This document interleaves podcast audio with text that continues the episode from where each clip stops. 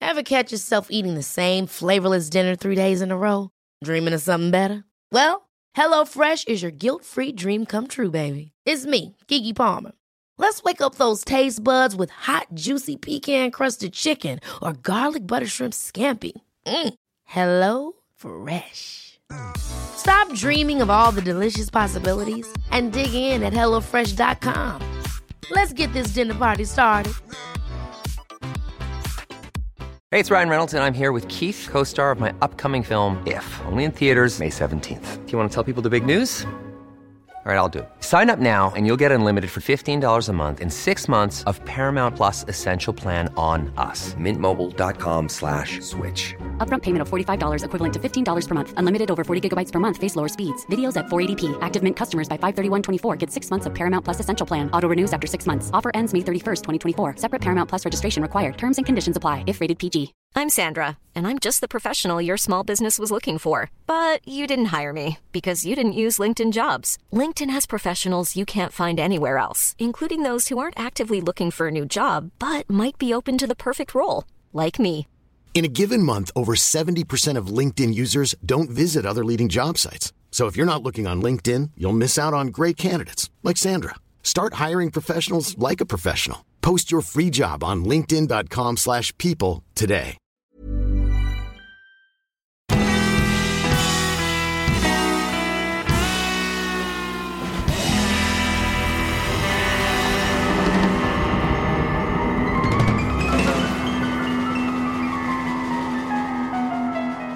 Hej allihopa! Hoppas allt är bra med er. Välkomna tillbaka till ett nytt avsnitt av Ståpäls. Ståpäls. Jag är fortfarande här och jag heter Ida och med mig har jag fortfarande Lurreburre. Lurreburre. Eller eh, eh, Lukas. Om Ja, ni vill. Lukas kan inte göra två saker samtidigt. Han fick ett meddelande från sin fru och då kan han inte säga sitt namn samtidigt som han läser det. Jag har eh, svårigheter. Nej jag skojar. Typiskt män, har ingen eh, simultanförmåga. Det går inte. Jag kan inte tänka och läsa och skriva Kim är samtidigt. på affären nämligen. Ja. Ehm, Var det något viktigt eller? ja. Nej, jag undrar om vi ville fika när hon kommer tillbaka. Ja, det kan vi väl göra. Det låter väl trevligt. Ja. Säg åt hon att cykla långsamt. Ja, så vi hinner precis. prata. Nej, hon får komma hem ändå. Ja. Nu är vi taskiga. Ja. We love her. Mm. Ja. I love her cakes. Ja, gud ja. Hon skulle kunna få baka till mig varje dag. Eh, Det hade inte sett Min, ut som jag gjorde eh, dock, men... När vi spelar in det här så är det en vecka kvar tills jag fyller år. Mhm. Och ehm, nio dagar kvar till valborgsmässoafton som här i Uppsala där vi spelar in är extremt stort. Men eh, det är ju lite inställt nu va? Ja, det är På grund ingenting. av ma corona. Som Kim Ma, säger. corona, corona. Så att vi kommer fira på Kim och Lukas balkong. Ja, Och då kommer jag få tårta! gott i gott gott. Ja, hittills har jag fått eh, choklad deluxe och en unicorn och... Mhm.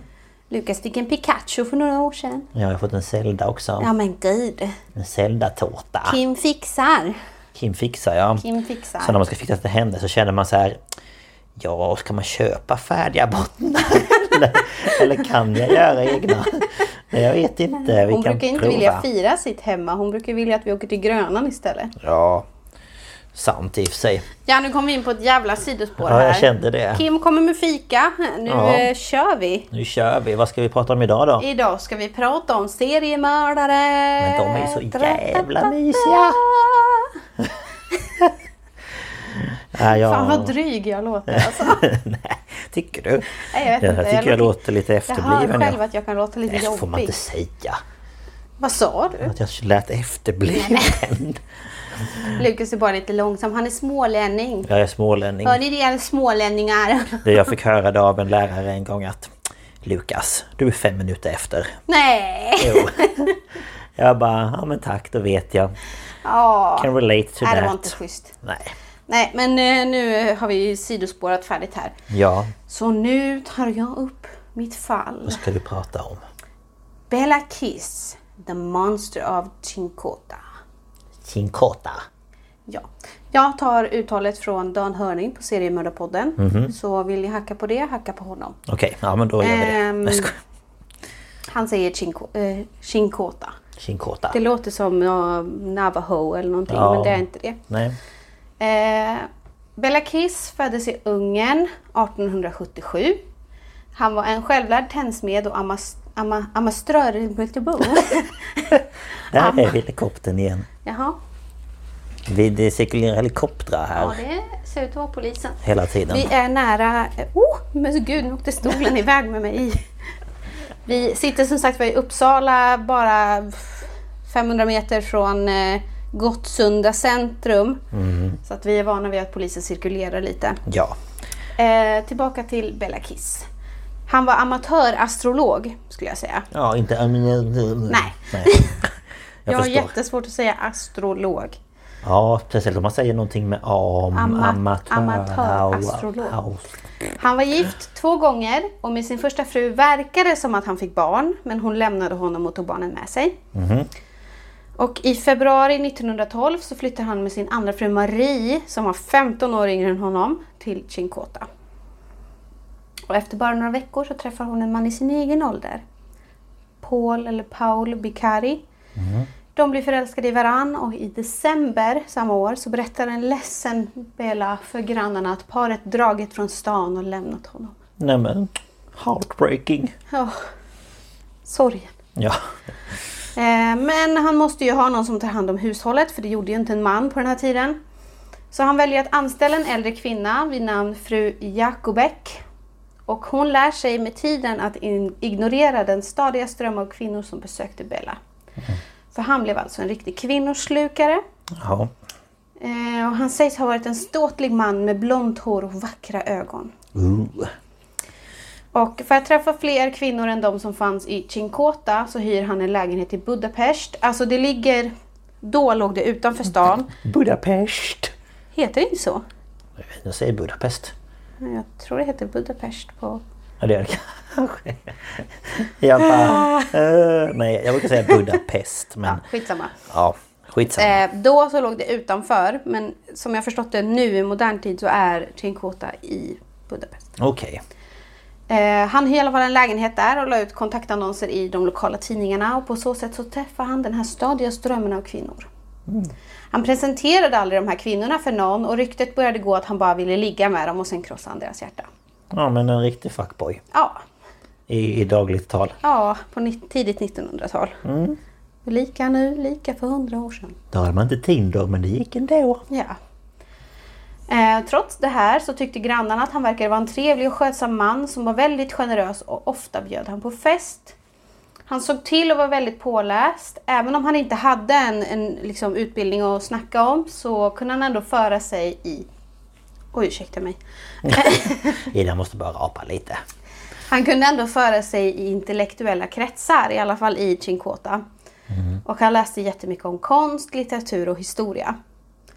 1914 blir han inkallad till armén för att slåss i första världskriget. Och eh, två år senare, då 1916, fick polisen i Budapest, eller Budapest, ett samtal från en hyresvärd i Chinkota. Han trodde att han hade hittat bevis för mord. Jaha. Personen som tog emot samtalet var Dr. Charles Nagy, eh, polischef för Budapestpolisen. Hyresvärden förklarade för honom att hans tidigare hyresgäst, soldaten Bela Kiss, hade slutat betala hyran och ryktet gick att han var misstänkt krigsfånge eller död i strid. Och han behövde då gå till huset för att se om man behövde göra några reparationer inför en ny hyresgäst. Okej. Han hade då sett ett antal stora metalltrummor stå på gården. Säger man trummor eller tunnor? Eh, metalltunnor. För de säger metal drums. Ja, Men är det inte sådana här man ser som typ man tar oljefat? Jo, typ? jo. Men- jag antar det. Ja, en tunna skulle jag Ja. säga. Eh, Det stod sådana på gården och han ville undersöka dem närmare. Och när han stack hål på en av de här så kom en fruktansvärd stank från den. Mm, wonder why. Grannen bredvid som råkade vara kemist sa att det var stanken från en ruttnande människokropp. Och hur han visste det vet jag inte. För att man är kemist. Man bara, jag är så- kemist, jag vet sånt där. Nej, jag vet inte. Men- Så den här hyresvärden vågade inte undersöka vidare utan han ringde då Nagy. Och doktor Nagy, eller Nagy, tog två av sina bästa män och reste till Chinkota. När de kom dit pratade de med hyresvärden som var fruktansvärt lättad över att de hade kommit. När de gjorde sig klara att undersöka tunnorna blev de stoppade av fru Jakobek som hade lovat att vakta Belas hus och tillhörigheter och hon skrek att de skulle lämna hans hus och saker i fred. Eh, De ignorerade henne, obviously, Ja. och öppnade en av tunnorna och det visade sig att hyresvärden och grannen hade haft rätt för i tunnan låg en säck. Och i säcken låg liket av en ung kvinna med långt mörkt hår. Runt halsen satt ett rep, så de antog då att dödsorsaken var strypning. Jopp. Vätskan som kroppen låg i var träsprit och det hade bevarat kroppen. Man vet inte varför han hade lagt dem i träsprit. Han kanske Ehm. ville plocka ut dem och titta på dem lite då och då. Ja, fy fan. Nej, jag vet inte. Fru Men, Jakobek arresterades och förhördes om det här men hon påstod att hon inte hade någon aning om vad det varit i tunnorna. Bela hade tagit dit dem innan kriget bröt ut och folk hade anmärkt på dem och sagt att de inte tyckte det var så snyggt. Liksom ett Nej. metalltunnor som står sådär. Eh, och många trodde att han hade förvarat illegal sprit i dem. Och Chinkota-polisen, den lokala polisen, hade pratat med honom om tunnorna. Men han sa att det var bensin. Okej. Eh, för han menade att snart blir det krig och då måste vi ha extra bensin. Ja, men det är viktigt att ha. Eh, Och Dan Hörning tar upp i sin podd att är det inte ganska korkat att ha extra bensin bara stå i trädgården? Ja. Vem som helst kan ju gå dit och sno den då. Det går ju bara att tappa ut ju med Ja. en slang. Bara Ja. suga upp lite och så. ja, det var Sätta dit ett dumt. sugrör och bara köra på. Ja, Dricka Ehm. lite. Polisen tvekade innan de öppnade de resterande sex tunnorna. Men ja, vad har de för val liksom? Ja, jo. Och varje tunna innehöll en naken kvinnokropp i träsprit och alla var strypta. Jaha. De sökte igenom huset och trädgården och fann flera kvinnor begravda i trädgården, alla bevarade i träsprit. Alla var så väl bevarade att om man bara hittade personer som kunde känna igen dem skulle man kunna identifiera alla. Jaha. Alltså de... Men jag undrar hur han kom på att träsprit var bra för det. Det är som att han har provat det förut. Nobody knows. Eller testat på Alltså det, någonting. det, jag tänker, det, det, han konserverar dem ju som man gör med sån här formaldehyd typ. Ja. Nej, jag vet inte varför han ville göra det för. Ja, ja. Eh, polischef Dr. Nagy insåg att det här var hans största fall någonsin och också ett av de största fallen i Ungern. Han gick omedelbart till handling och hörde av sig till militären och sa att Bela Kiss skulle arresteras vare sig han var i mitt i eldstrid eller inte. Okej. Och militären svarade att de skulle leta. Och efter det här häktade Nagy fru Jakobek och utsatte henne för hårda förhör. Han var säker på att om hon inte var Bellas medarbetare så visste hon vilken som var det.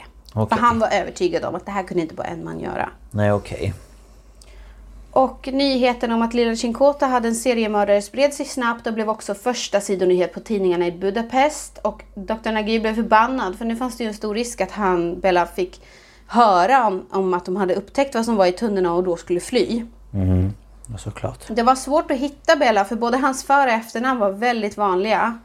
Alltså både Bella var vanligt och Kiss var vanligt. Okej. Och man hade ju inte personnummer på den här tiden i Ungern. Nej, i och för sig. Ehm, och man hade ju svårt att identifiera kropparna eh, på grund av att de var ju nakna så att man liksom kunde inte säga hon var ifrån den här stan eller så. Ehm, det enda han hade var ett klädesplagg med initialerna K och V eller W. Jag vet inte, jag har bara hört det här så jag vet inte vilket det är. Nej, Samt en nästug med ett svagt tryck som var NT. okej. Eh, och trots att Bella var borta i nästan två år så var fru Jakobek trogen honom och hade noga städat hans hus. Och hon satt häktad i det här huset. Okej, jaha. Och i förhör sa hon att han alltid hade varit snäll mot henne och gett henne en bra lön. Och Hon visade poliserna runt i huset. De hittade ingenting förutom i sovrummet och där fanns en låst dörr. Och när hon fick frågan vad det var för rum svarade hon Det där är Bella Kiss hemliga rum. Han låter mig aldrig gå in där och släpper aldrig in någon där. Dr Nagy ville ju såklart komma in och fru Jakobek hade faktiskt nyckeln dit. Okej. Och i rummet fanns en massa bokhyllor fulla med böcker, ett stort skrivbord och en tillhörande stol. I skrivbordet fann Dr. Nagy hundratals brev från hoppfulla kvinnor, ett fotoalbum med över hundra bilder på då vad han tyckte var attraktiva kvinnor Ja, och Bellas testamente. okej. Han blev då orolig att det riktiga antalet döda kunde vara många fler än offren de hade hittat. Ja, så, såklart. Ehm, och utifrån de här breven kunde man se att Bella hade lurat många av de här kvinnorna på pengar och vissa på allt de hade. Mm-hmm. Ehm, han siktade då in sig på sådana som kanske inte hade så många släktingar och sådär. Nej, okej. Ja, han var väl smart. Eh, och den här doktor Nagy orkade inte läsa igenom alla brev utan han började titta sig omkring i rummet och insåg att böckerna som fann där handlar om olika gifter och om hur man stryper en människa. Och det har jag skrivit i mitt eh, dokument här, vad fan är det för jävla böcker och vem fan har skrivit dem? Ja. Det kan man fan undra alltså. här är ju så här, strangling for dummies. Nej men lite så. Man bara varför... Ett, Ta ett rep, Två, knyt en knut. linda det runt halsen och knyt en knut. Dra åt knuten hårt. Nej, alltså jag vet inte. Nej, jag vet inte. Ehm, Usch. Eh, Jösses, nu hoppade den här så nu måste jag hitta vad jag var.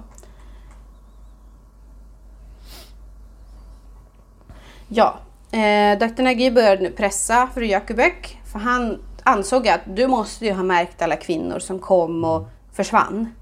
Och hon försvarade ju sig och sa jag är bara en enkel gammal kvinna, skicka mig inte till fängelse. Nej men du måste väl ha sett att det kommer dit en massa kvinnor? Men hon la sig ju inte i vad kvinnorna hennes kom ju inte till. chef gjorde då. Nej, såklart. Hon var helt säker på att hennes chef aldrig skulle kunna skada någon för han var en fin liten pojke. Hon hävdade att det måste vara någon annan som mördat kvinnorna och stoppat dem i herkistunnor. Ehm, och alltså hon, som Dan själv säger, att han ser ju en gammal tant framför sig men hon kanske bara var i typ 60-årsåldern. Ja, okej. Men hon var ju äldre än Bella Kiss. Men att hon, att hon kallade honom för en liten pojke. Man bara... Han var ju en liten pojke. Eh, det gör saken bara ännu värre. Att du kallar honom för en pojke. Ja. Eh, till slut så lyckades man spåra initialerna KV till en Catherine eller Katarine Varga. Hon var en ung vacker änka i Budapest med en stor förmögenhet. Hon ägde en inkomstbringande klänningsbutik men hon hade sålt den för att flytta sig till, bli- till sin blivande make Bella Kiss. Ursäkta mig, alltså jag har hicka. Det är inte lätt. När hon försvann hade hon inga levande släktingar som skulle sakna henne. Nej. Eh, och efter fortsatt utredning hade Dr. Nagy bevis för att Bella Kiss hade dödat tre- 30 Nu blev jag- 30! Blir du, 30. blir du finsk? ja, 30 kvinnor och en man. Jaha. En av kvinnorna i tunnorna visade sig vara Bella Kiss andra fru och mannen var hennes älskare. Revenge. Så han hade ju inte rymt med henne. Nej, de var döda, döda, döda. Utan eh, Bella hade ju kommit på dem och därför var det här hans enda manliga offer som man vet om. Eh, en kvinna kom till polisen och berättade att hennes dotter hade presenterat henne för en snygg man vid namn Bella Kiss. Hon ville att mamman skulle låna ut pengar till honom för de skulle gifta sig. Mhm. Senare hör dottern av sig och är förkrossad för Bella vill inte gifta sig. Och då blev mamman skitarg och hon åkte då till Chincota och konfronterade honom. Men han sa bara, nej men jag vill inte, bara inte gifta mig just nu. Nej, okej. Och när han hade sagt det till dottern så hade hon blivit arg och utvandrat till Amerika. Jaha.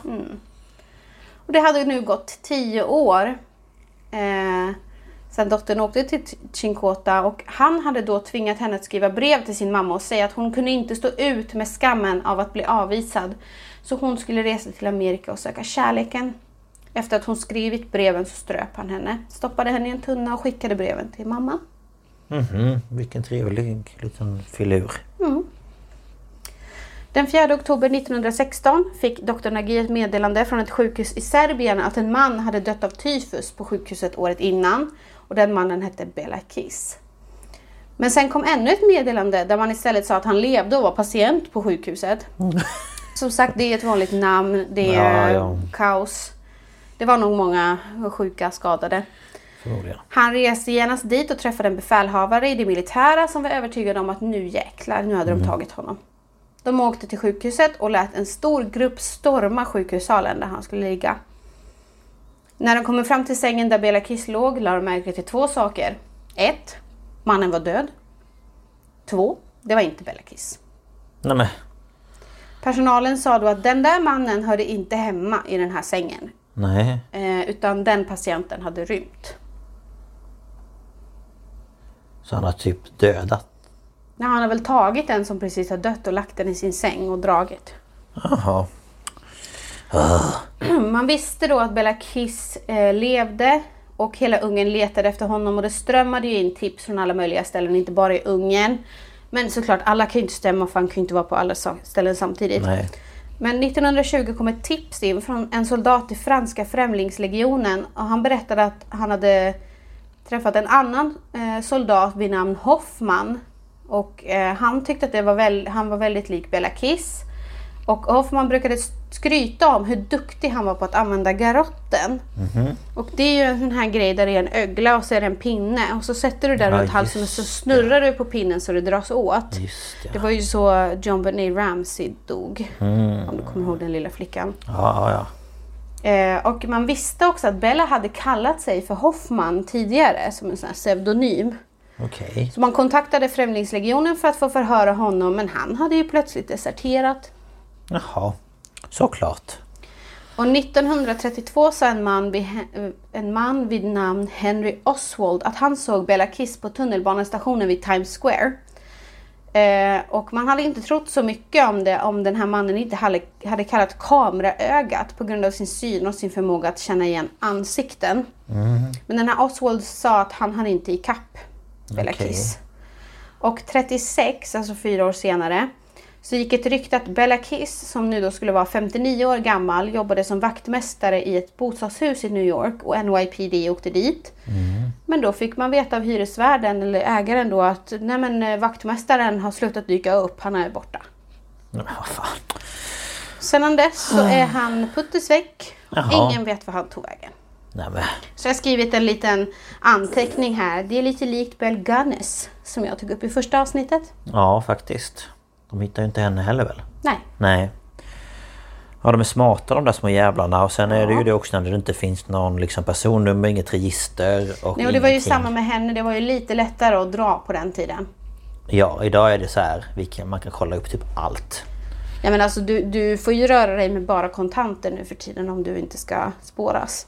Ja, bara du använder ditt kort i en bankomat så ser de ju det. Om du handlar med Mm. Det ett finns ju kort. kameror på gator och på bussar. Och du kan ju inte resa.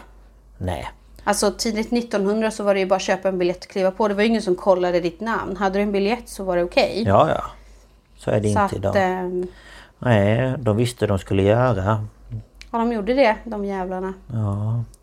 Spännande ändå att de inte har... Nu lever han ju inte, antar jag. För att han lär ju vara typ 100... Alltså, jag tvivlar ju starkt på det. Ja. Men... ehm, Ja. Man kan ju undra om han liksom eh, fortsatte att mörda.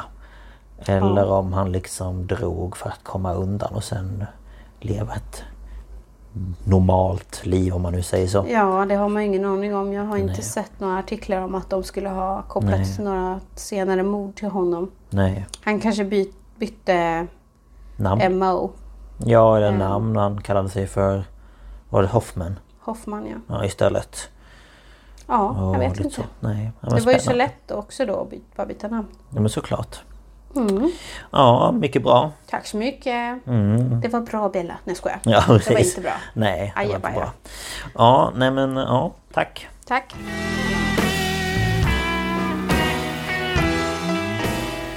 Ja, då ska jag väl köra mitt fall också då. spännande. Ja, jag ska då prata om Nanny Doss. Har du hört någonting om henne förut? Alltså jag har ju lyssnat på seriemördarpoddens avsnitt av henne. Mm. Men det var ju där samma veva som Bella Kiss, alltså väldigt tidigt i Mm. hans... Ja, jag lyssnade ju på det också nu när jag skulle eh, hitta lite fakta om henne. Nu kom min fru hem med fika. Mm, mums. Ehm, ja, nej, men jag ska i alla fall prata om Nanny Doss. Och Nanny Doss eh, föddes som Nancy Hazel den 4 november 1905 i Blue Mountain, Alabama. Eh, utåt sett så verkade Nanny Som en gullig liten dam. Men herregud, vad är är det en motorcykel som låter ute? Ja, nu är det motorcykel. Ja. Det, här, det är allt Inte riktigt. möjligt som låter idag. Vet inte om det hördes på inspelningen men det lät väldigt högt. Ja. Ja. Eh, ja, men som log och skrattade hela tiden. Eh, men bakom hennes glada ansikte så gömde det sig mellan 8 till 11 mord. Som hon begick någon gång mellan 1920 till 1954. Åh jäklar, det var länge. Hon kallades för The Giggling Granny, The Lonely Hearts Killer, The Black Widow eller Lady Bluebeard. Och Bluebeard det är en fransk folktro. Och i den här historien då så är det en död eh, rik man. Nu säger jag en död rik man. Nej, det är det inte. Utan det är en rik man som dödar Vad sina gör du med dina glasögon? jag sitter och pelar på dem. Jag sitter och pelar på mina Det ser ut glasögon. som att du skulle förhindra graset från att trilla ut. Nej, jag pillar på dem. Ehm, ja, som dödar sina fruar. Och så då får han en ny fru. Och varje fru försöker då undvika det som har hänt hennes föregångare. Så det är därför. Mm. Jag trodde att eh, det var någonting med han Hövding Blåskägg. Nej, utan det är någon slags historia. Nej, från- Blåtand hette ju han. Ja, Bluetooth. ja det, är, inte- det är inte blå skägg. Nej, nej. Ja, Sorry! ingen fara.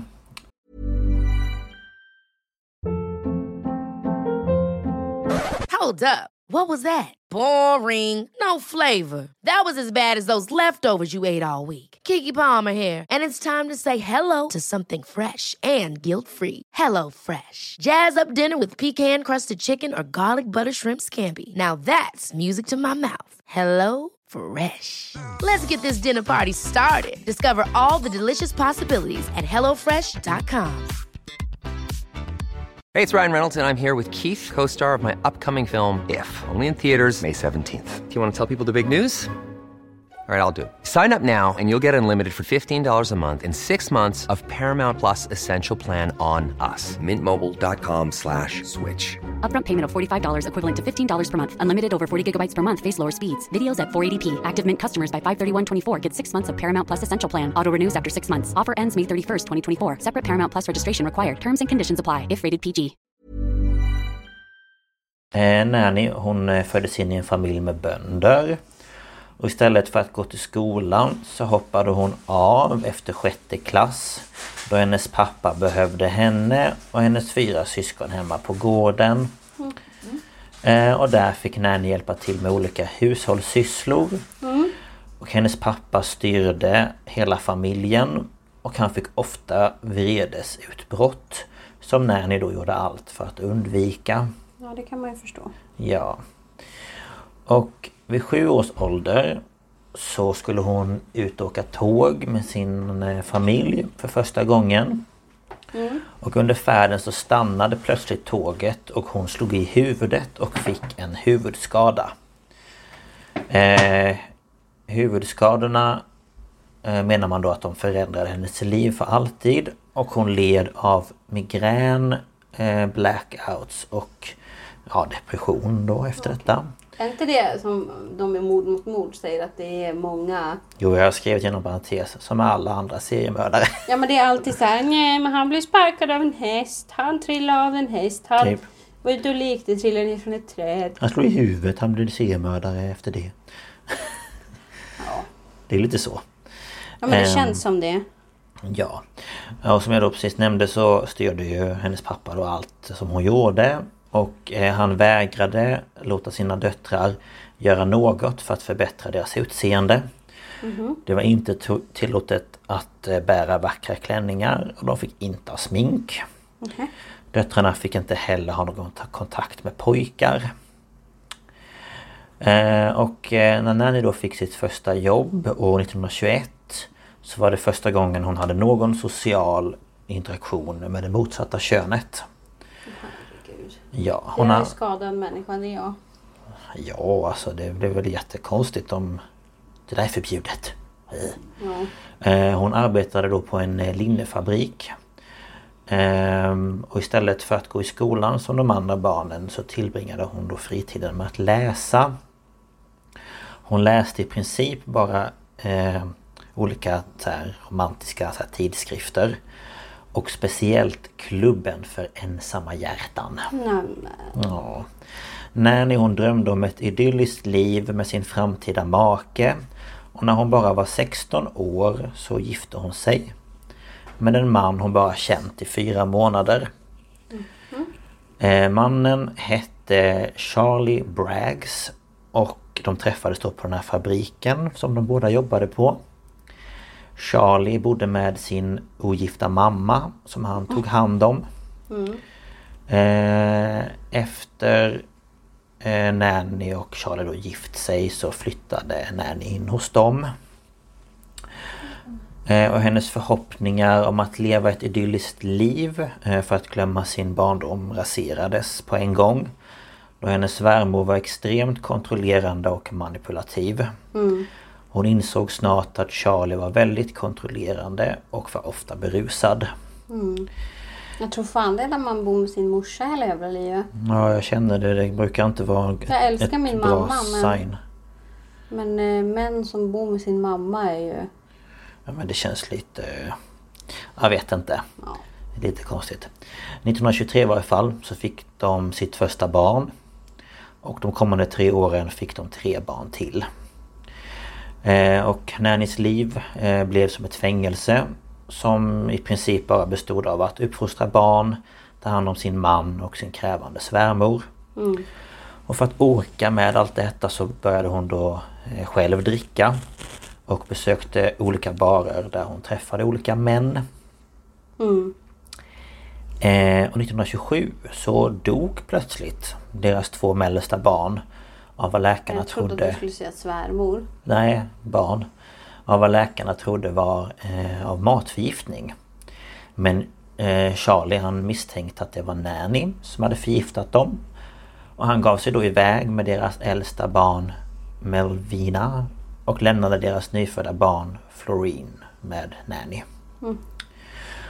Och inte långt efter att Charlie hade gett sig iväg så dog hans mamma. Jaha, han tog han lämnade henne. Japp. Och, Jag eh, tar ungen men jag lämnar morsan nu. Ja, morsan var kvar med Nanny. Och Nanny hon stannade kvar ett år till efter det att hon hade dött. Och då återvände Charlie med deras barn Melvina och Charlies nya flickvän. Nej. Jo. Och eh, de skilde sig då och Nanny flyttade tillbaka till sina föräldrar med sina två döttrar. Ja, så hon tog Melvina med sig. Ja, och Florine. Ja, den lilla. Ja. Och Melvina. Ja. Ja. Så Charlie var ju själv med sin nya flamma. ja. Ehm, inte långt efter att hon flyttat tillbaka till sina föräldrar så började hon återigen läsa de här tidskrifterna. Och denna gång så började hon svara på de annonser som hon såg i tidningen. Och det var då hon träffade sin andra man Frank Harrelson. Oj, oj, oj. Ja, de träffades och gifte sig och levde tillsammans med hennes två döttrar i Jacksonville i Alabama. Alabama. Alabama. Alabama. Eh, och eh, när de då hade gift sig så upptäckte Nanny att hon ännu en gång hade gift sig med en man som hade problem med alkohol. Han hade även en stor skuld. Och eh, Franks favorittidsfördriv det var att delta i olika barslagsmål. Nej. Jo, det tyckte han var jätteskoj. Men på något eh, mystiskt vis så varade det här äktenskapet i 16 år. Eh, då Frank dog av vad läkarna återigen trodde var av matförgiftning. Alltså det här liknar ju också belganes. Va, Det här kan vara symptom av kolit eller strykninförgiftning. Ja, men precis. Man vet inte. Vi vet ju inte, men vi tror att det var kolit. Eh, men i själva verket så hade Nanny hällt råttgift i hans whisky. Oh. Och sen kollat på medan han dog en smärtsam död. Ja, men det måste ju varit så belganes gjorde också, för stryknin tror jag var i råttgift. Ja, det kan, ja, det kan det nog ha varit. Och på det här... Eh, ja, men, i det, när det här skedde... Då, vad heter det, så var det ju så enkelt. Du kunde ju bara åka till apoteket och säga att du hade problem med råttor hemma Ja. så fick du ju råttgift. Ja, det är inte ens tillåtet i Sverige längre. Nej, så de hade ju ingen aning om vad du skulle göra med de där grejerna. Ehm, och eh, Jag då har tog... en eh, Rogue katt här i bakgrunden som, som har insett att det står lite Gry. plastiga grejer här borta. Ja, min eller vår katt älskar plast av någon anledning. Ja, fy fan. Ja, Ja. Ehm, ja hon tog då eh, livförsäkringspengarna från hans död, då, alltså Franks död. Ja, Men alltså är det här bullgum? Så lätt. Typ. och köpte ett hus i närheten av Jacksonville. Ja. Eh, och Melvina, Nannys första barn då, fick eh, 1943 sitt första barn. Det var en son som hon döpte till Robert. Eh, och 1945 så fick hon ett till barn. En eh, ja, frisk flicka som dog strax efter födseln. Mhm. Eh, och Melvina som hade haft en svår förlossning gick liksom in och ut ur medvetandet liksom under första liksom, stunden efter förlossningen. Och eh, senare så blev hon då påmind av att hon hade sett sin mamma, Nanny, sticka en hattnål i barnets huvud. Nej! Jo. Men inga bevis kunde hittas. Så direkt efter födseln så eh, dödar Nanny eh, barnet. Ja, men Helt fy enkelt. fan. Ja, det var en trevlig kvinna. Eh, och samma år då så passade Nanny Robert, alltså Melvinas son då. Efter att Nanny och Melvina hade bråkat om eh, att Melvina hade en ny pojkvän. Som Nanny inte tyckte om. Och den eh, natten så dog Robert. Om- Nej. Jo. Av vad läkarna trodde var eh, kvävning av okänd anledning. Och några De månader... skyllde väl på sån här plötslig spädbarnsdöd. Ja, förmodligen. Och några månader, fast det kan det ju inte vara för att han var ju två år äldre än Melvina. Ja, men kan inte det hända tvååringar också? Det kanske det kan Eller jag i är och för ute och sig. cyklar kanske. Jag vet inte. Jag vet tror inte. det bara jag vet var bara att typ- små barn kan plötsligt Ja. sluta andas. Ja, men de visste inte i varje fall. Några månader senare så tog Nanny ut 500 dollar. Och om jag förstod det rätt så är det ungefär 60 000 idag. Från en försäkring som pojken hade på sig. Ehm, och eh, då det hade fungerat tidigare så började då Nanny återigen kolla igenom annonserna efter en ny man. Och då träffade hon en man som heter, eller hette Arlie Lanning. Och efter att ha träffats i två dagar så gifte de sig. Okej. Ja, man bara you and me. Mm. Eh, Don't make the baby my love. ja. I want to marry you. Eh, precis som sina tidigare män då så var Arlie också alkoholist. Nej men surprise! Ja! Kan det vara så att det är så i den här, äh, å- det här området av Det känns USA? lite så va. Mm. Men han var dock inte våldsam som de andra männen. Så det var väl positivt om man nu får se det så. Eh, I det här eh, fallet ehm, så var det Nanny som kunde lämna deras hem ibland. För att umgås med andra män. Och då kunde hon vara ibland borta i flera månader åt gången. Jaha. Då tänker jag lite så här Om jag hade varit gift med henne, bara, vad fan tog hon vägen? Så kommer man helt plötsligt hem igen och bara hej jag har bara varit iväg lite. Ja, jag vet inte. Eh, Han var väl en toffel? Kanske. Men år 1950 då, efter att de har varit gifta i två och ett halvt år, så eh, blev eh, Arlie sjuk och dog. Ja. Mm. Konstigt. Ja, mycket konstigt. Vid tiden för hans död så trodde läkarna att han fått en hjärtattack på grund av influensa. Då han hade haft feber, har kräkts och haft eh, ont i magen. Och i och med att han druckit mycket så trodde de helt enkelt att kroppen hade gett upp. Och eh, därför gjordes aldrig en obduktion. Eh, så de visste ju inte vad det var men de antog att det var influensan. Eh, och huset som de bott i eh, hade Arlie då skrivit över på sin syster. Men efter bara två månader så hade huset brunnit ner. Ja. Åh herregud. Ja, och Nanny flyttade in hos sin svärmor. Men när hon då fick en check för en försäkring på huset flyttade hon därifrån till sin syster som var döende i cancer. Men precis innan hon flyttade så dog hennes svärmor i sömnen. Alltså. Och inte långt efter när ni flyttat in till sin syster så dog hon också. Ja, men hon hade ju cancer. Ja, hon var ju döende i cancer. Det passande. Ja, men alltså, det, alltså, Ja, Men det tar aldrig slut. det finns väl en gräns för hur många människor r- som dör runt en och samma människa innan eh, liksom... Samhället bara, vad är det som händer? Alltså varför dör alla runt dig? Och jag har en förbannelse över dig. Han är sjuk! Typ. Ja, Okej. Ja, ja visst. Sure. Eh, ja, men efter Arlies död då så bestämde sig Nanny för att prova på klubbar för singlar. Eh, så hon gick med i något som hette Diamond Circle Club. Alltså det låter ju för fan som en jävla swingersklubb. Ja, visst gör det. ja, men där träffade hon i varje fall sin eh, fjärde man vid namn Richard Morton. Låt mig gissa, han var alkoholist. Eh, nej, Nähä. han var i alla fall från Emporia i Kansas. Oj, oj, oj. Eh, De gifte sig eh, 1952 och bosatte sig i Kansas. Eh, Richard var inte en alkoholist som hennes andra män. Men Nanny förstod snart att han höll på med otukt, alltså att han var lösaktig. Han, Jaha, begick, okej. eller han, eh, han hängde runt med andra mm, kvinnor och träffade sin före detta flickvän. Jaha. Eh, Och i och med det så hade Nanny då bestämt sig för att han inte hade långt kvar att leva. Och hon hade redan kollat in en annan man från Kansas som heter Sa- Sam, Samuel Das. Så de har samma efternamn. Var det inte så att hon fick det namnet när de gifte sig då? Det kan vara i och för sig. var ju hon det som var med född- Belganes. Ja, hon var ju född i och för sig eh, Hazel. Eller vad det var.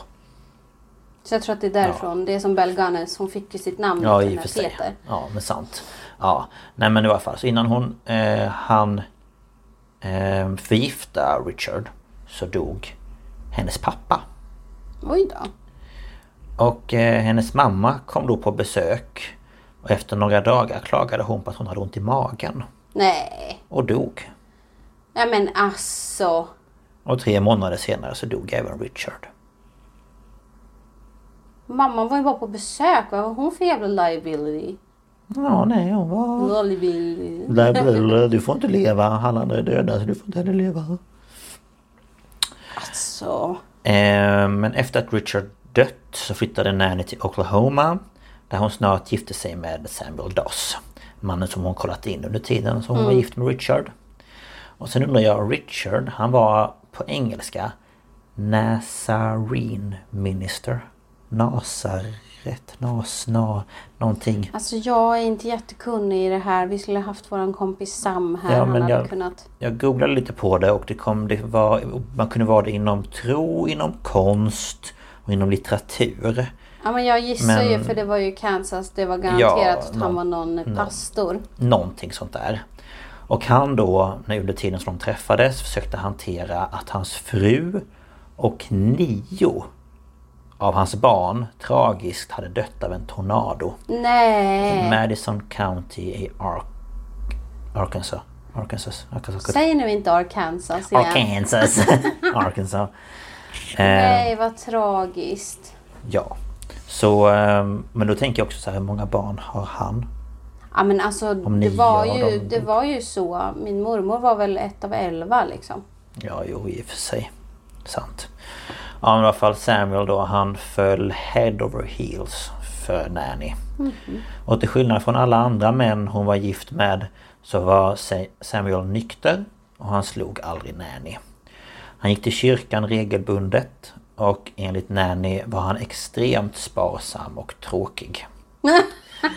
Alltid är det något. Ja, Hon borde ha lyssnat på den här Aldrig nöjd med Ja, men typ. Veronica Maggio. typ.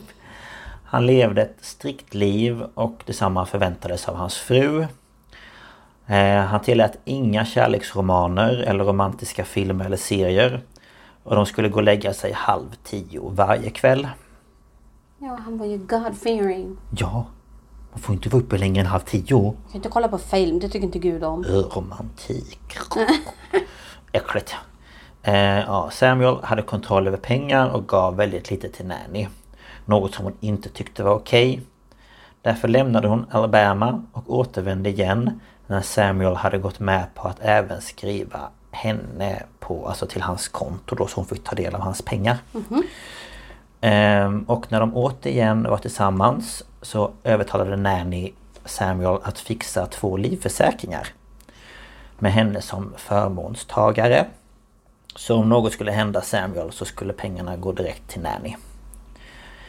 Eh, och i princip innan bläcket ens hade hunnit torka på papperna så klagade Samuel på magont. Och fick åka in till sjukhus. Efter två veckor eh, så levde han fortfarande och fick återvända hem. Ja, det var ju jävligt korkat av dem. Ja.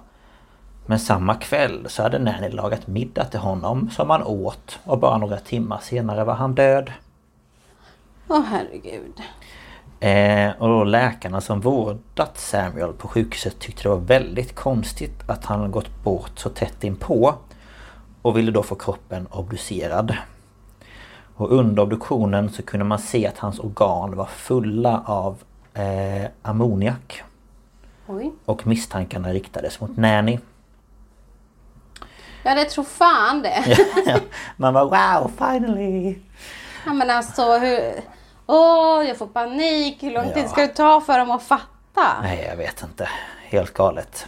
Men i varje fall, polisen tog då in Annie på förhör och efter att i flera timmar inte velat berätta någonting så var liksom polismannen så här att nu berättar du liksom. Det här är inget skämt. För hon satt ju och skämtade och höll på. Detta är inte roligt. Nej, det var inte roligt längre. Så berättade hon till slut att hon var skyldig för morden på fyra av hennes män.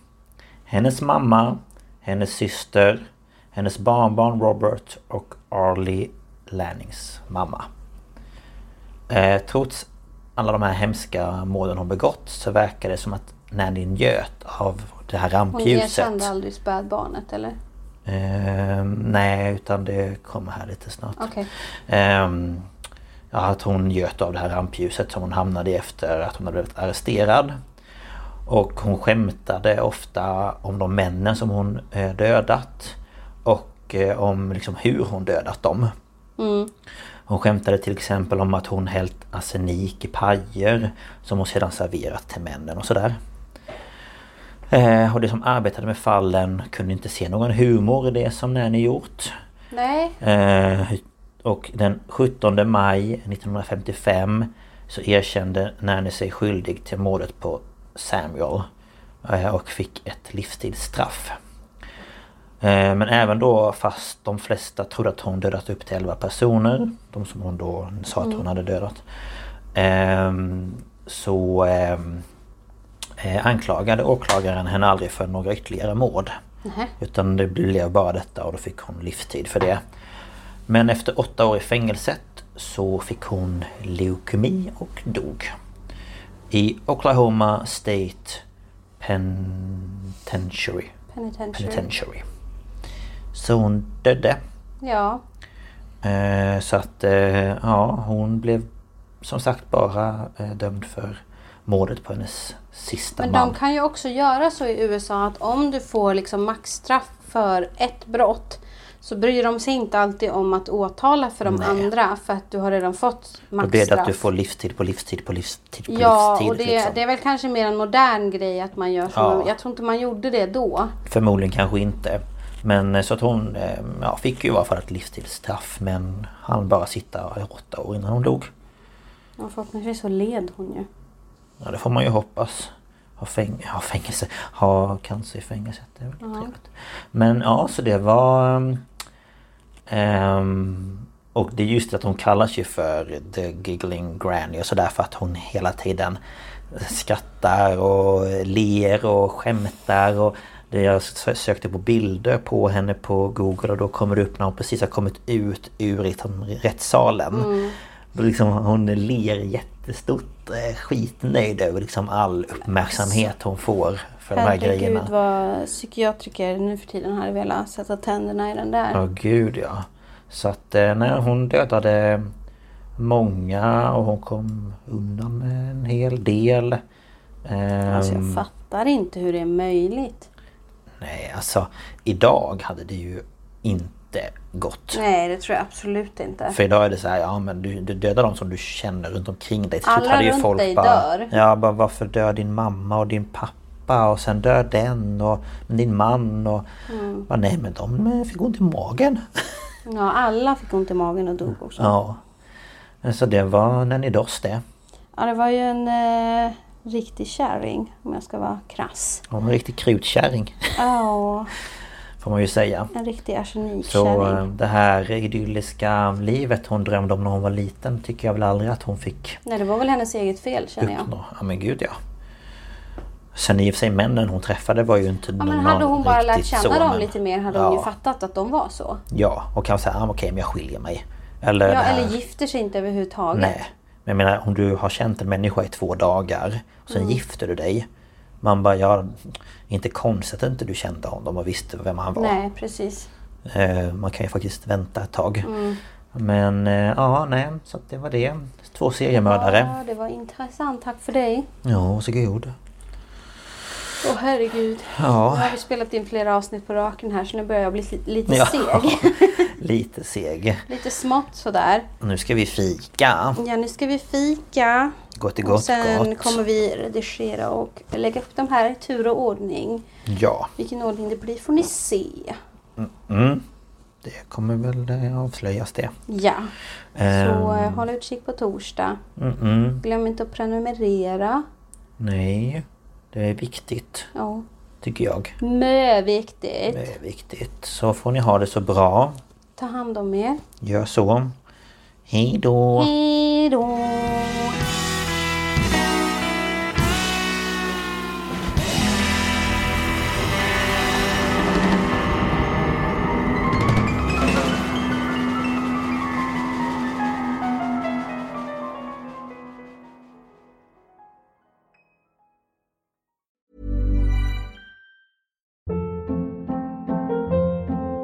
Hold up. What was that? Boring. No flavor. That was as bad as those leftovers you ate all week. Kiki Palmer here, and it's time to say hello to something fresh and guilt-free. Hello Fresh. Jazz up dinner with pecan-crusted chicken or garlic butter shrimp scampi. Now that's music to my mouth. Hello Fresh. Let's get this dinner party started. Discover all the delicious possibilities at hellofresh.com.